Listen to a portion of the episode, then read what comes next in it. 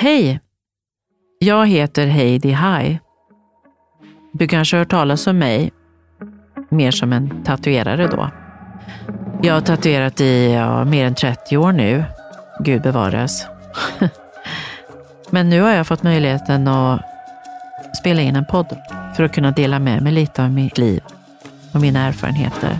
Så jag hoppas verkligen att det är någonting som kommer att ge dig något på vägen. Jag växte upp i en familj från nordligaste Norge där magi kallades för mer än sitt fadervår.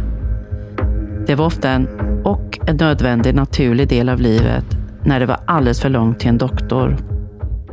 Som många numera vet så började ju faktiskt inte tatueringshistorien med sjömän. Det upptäckte jag 1991 när jag försökte hitta information om tatuering. På en hylla längst bort, längst upp, längst i den dammigaste vrån var det en liten bok på Kristinehamns bibliotek som heter Tecken på huden. Det var, det var jag, Niki och de här två herrarna och han som jag tatuerade, han var, visade sig vara saxofontekniker till Clarence Clemons. Och i andra stolen så tatuerade Niki Olle Jönsson då.